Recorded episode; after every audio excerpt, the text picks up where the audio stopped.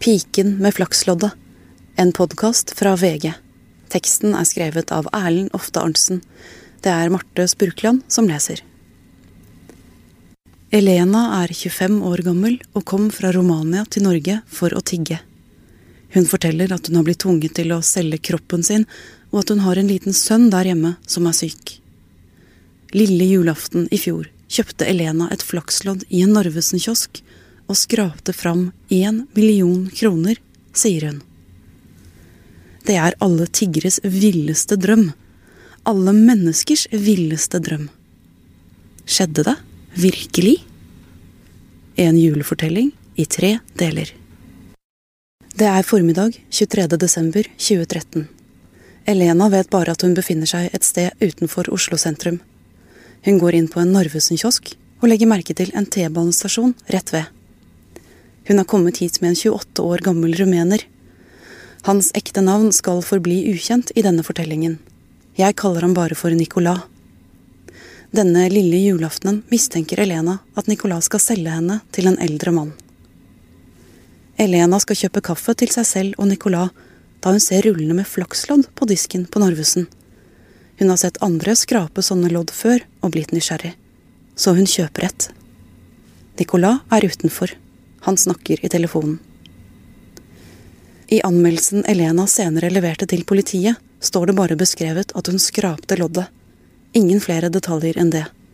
Men hun må jo først ha skrapt fram ett millionsymbol. Så ett til. Og så ett til. Hvis hun snakker sant, var det slik at Elena var tigger, tvangsprostituert og alenemor, og ble millionær på lille julaften i Norge. Men pengene skulle hun aldri se noe til. Hun husker datoen. Det var 23. desember, dagen før julaften. 23. januar i år ble dette skrevet ned av en politietterforsker ved seksjon for organisert kriminalitet på Grønland i Oslo. Da hadde Elena vært i femte etasje på politihuset for å fortelle etterforskeren om den rumenske mannen som var der på Narvesen den dagen hun skrapte loddet, og om hvordan han skal ha tatt loddet fra henne. Mens hun satt i sofaen på politimannens kontor, hadde hun også fortalt om hvordan hun møtte Nicolas. Om Stockholm. Om det hun sier han tvang henne til med trusler og vold. Mennene hun måtte ha sex med og hun hadde fortalt om hva en 62 år gammel nordmann hadde med flaksloddet å gjøre. Etter fem timer på politihuset tok hun på seg jakken igjen og gikk ut i januarmørket. Jeg møtte Elena første gang i oktober i år. På et lite møterom hos Nadheim, senter for kvinner og menn med prostitusjonserfaring, ba jeg henne fortelle meg hvem hun er. Noe kunne jeg se. Elena har langt, kullsvart hår denne dagen samlet i en hestehale. I ørene hadde hun store, enkle ringer, joggesko, dongeribukse og en svart, varm jakke. Hun er vakker. De brune øynene med de lange vippene var sminket og vekslet mellom å se på tolken, meg, og hendene som hun lille julaften for ett år siden sier hun holdt loddet i. Hva er det du vil høre? svarte hun, slik hun ofte gjør, med et spørsmål tilbake eller et par korthugde setninger. Det var historien hennes jeg ville høre. Elena vokste opp i en søskenflokk på fem i en mellomstor by rundt 30 mil unna hovedstaden Bucuresti. Den yngste søsteren er 19 år, den eldste 31. Hun har en bror også. Da hun var 18 år, ble hun mor til en gutt som er i Romania hos slektninger. Jeg spurte om hun savnet ham. Hun smilte litt, kanskje av det dumme spørsmålet mitt. Hva trodde jeg egentlig? og så svarte hun ja. Til politiet i januar i år fortalte Elena at moren og faren hadde tigget i Norge i snart ti år. De har vært her to-tre måneder av gangen, og så dratt tilbake til Romania. Selv var hun for første gang i Norge i 2012, og så kom hun tilbake vinteren 2013. Jeg kom hit av én grunn. Det var for å skape en bedre fremtid for sønnen min som er syk. Behandlingen hans er dyr, så jeg trengte penger til ham sier Helena. Hun satte seg ned for å tigge ved kjøpesenteret utenfor Oslo. Hun så deg og meg passere, mens vi ignorerte henne, kanskje nikket pliktskyldig eller puttet noe oppi koppen. Selv tenkte hun ikke noe vondt om oss, sier hun.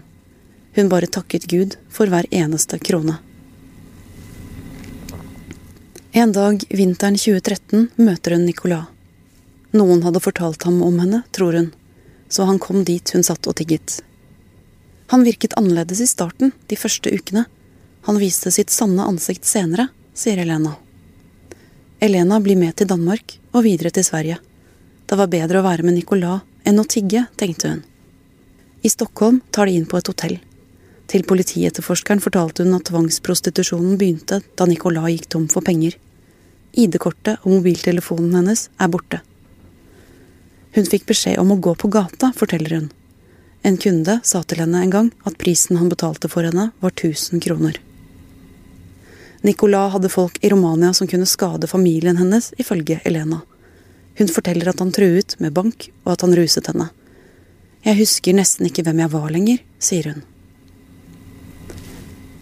Lille julaften i fjor, da de tre tallene med de mange nullene lyste mot henne, ble hun først så glad, forteller Elena. Nå skulle alt bli annerledes. Sønnen hennes skulle bli den lykkeligste gutten i verden. Så kom Nicolas bort til henne. Han rev flaksloddet ut av hendene på meg, forteller hun, og tok det fra meg og truet meg til å holde kjeft. For hvem skulle tro på Elena? Den rumenske dama som hadde vunnet én million kroner på lille julaften? Til politiet fortalte hun senere at hun hadde overhørt Nicolas snakke med en nordmann, han de bodde hos i disse desemberdagene, om loddet. Denne nordmannen er 62-åringen. Han kaller jeg fra nå av for Einar. Det hun hadde fått med seg av samtalen, var at Nicolas ikke hadde en norsk konto å få pengene inn på, men det hadde Einar. Han skulle derfor få 100 000 kroner om han ordnet dette og fikk satt pengene inn på en rumensk bankkonto. I avhøret med politiet sa hun også at eieren av denne bankkontoen var Nicolas' mor, og hun gir etterforskeren navnet hennes. En dag i januar i år er Nicolas plutselig borte. På en måte er det bra for Elena. Mannen hun sier har tvunget henne til å selge kroppen hennes, er ikke der lenger. Men like borte som Nicolas er pengene. Gjennom Rosa-senteret, som tilbyr sosial og juridisk hjelp til ofre for menneskehandel, kom Elena i kontakt med Silje Elisabeth Stenvåg, som ble hennes bistandsadvokat. Stenvåg ble med henne i avhøret hos politiet 23. januar. Jeg har fått lov av Elena til å se gjennom politiets dokumenter i saken hennes. De er ikke mange. Det største dokumentet er anmeldelsen, det fem timer lange avhøret i utskrevet form. Dokumentene viser at det er gjort noen enkle søk i politiets registre. Utover dette er ikke saken blitt etterforsket. 25. februar i år, en måned etter anmeldelsen, ble Helenas anmeldelse av Nicolas for menneskehandel og milliontyveri henlagt på bevisets stilling, og han var aldri på noe tidspunkt siktet for straffbare handlinger. Bistandsadvokat Stenvåg klagde på henleggelsen. Først én gang, så en gang til men til ingen nytte. Politiadvokat Anne Katrine Ingulstad Aga mente at Elena hadde gitt motstridende opplysninger til politiet i denne saken og i en annen sak, hvor hun i februar hadde anmeldt en nordmann for knivtrusler. Da hadde hun annet oppgitt et annet navn på seg selv til politiet og sagt at Nicolas var broren hennes. Jeg spurte Stenvåg om disse tingene. Hun sa at motstridende opplysninger er mer regelen enn unntaket i menneskehandelssaker.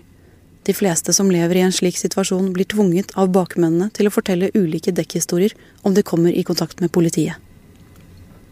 Avgjørende for henleggelsen var også at det som gjaldt menneskehandel i anmeldelsen, skulle ha foregått i Sverige, noe som gjorde det vanskelig for norsk politi å etterforske forholdene.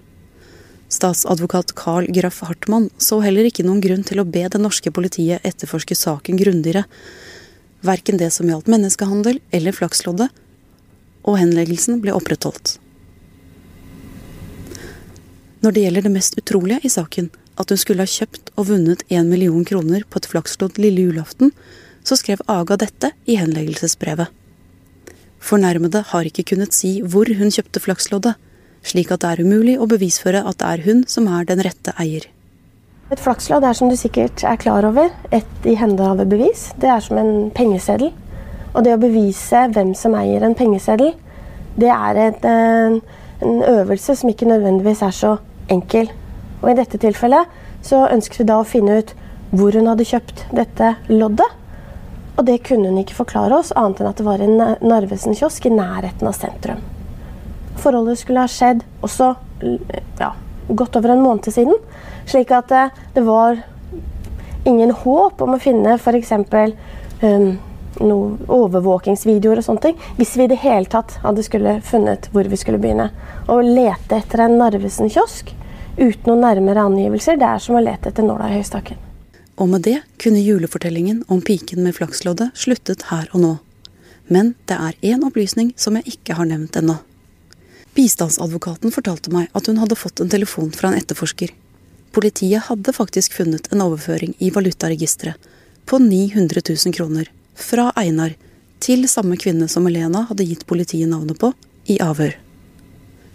Hva gjør en mann som Einar, en pensjonert vaktmester, med så mye penger? Og hvorfor sender han dem til Romania?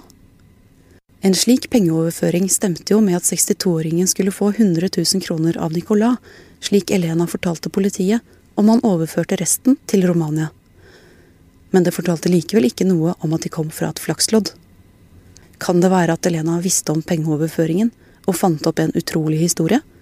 Eller var loddet faktisk Nicolas? Einar ble aldri kalt inn til politiavhør, selv om Elena hadde forklart at hun og Nicolas hadde oppholdt seg i leiligheten hans i Oslo, og at det var Einar som hadde hevet gevinsten på loddet. Jeg spurte Norsk Tipping om hva de kunne si, men av hensyn til personvern kunne de ikke opplyse hvem vinnerne deres var. Politiet hadde selvsagt fått disse opplysningene om de hadde tatt kontakt, fikk jeg beskjed om. Elena hadde nevnt Hellerud, som er et T-banestopp litt utenfor Oslo sentrum. Hun fortalte at hun nylig hadde kjent seg igjen der, og at hun trodde det het Hellerud der loddet var kjøpt. Jeg ringte til kiosken ved T-banestasjonen. Det var ingen Narvesen-kiosk, og de visste heller ingenting om et millionlodd. Ukene går. En dag i november ringer telefonen. Det er fra Norsk Tipping. Du har hørt første episode av Piken med flaksloddet, en podkast fra VG. Teksten er skrevet av Erlend Ofte Arntzen. Det er Marte Spurkland som leser. Episode to kan du høre i morgen. Dette er et tilsvar fra den 29 år gamle rumenske mannen som vi har gitt det fiktive navnet Nicolas. Han avviser at han har stjålet et flakslodd med milliongevinst fra Elena, og at han skal ha tvunget henne til å selge sex, slik hun anmeldte ham for. Dette uttaler han om tyveribeskyldningen. Når man påstår noe, så må man ha bevis, ikke bare plapre i vei. Hva er det hun vil? Få penger av meg, eller hva? Dette uttaler han om beskyldningene som går på menneskehandel. Det er ikke sant. Jeg kan også si at du har drept to mennesker, men jeg må ha bevis. Hvor er likene? Hva slags bevis har jeg for å anklage deg? VG presiserer at Elenas anmeldelse ble henlagt på bevisets stilling 25.2.2014 og at 29-åringen derfor ikke er siktet for straffbare forhold av norsk politi.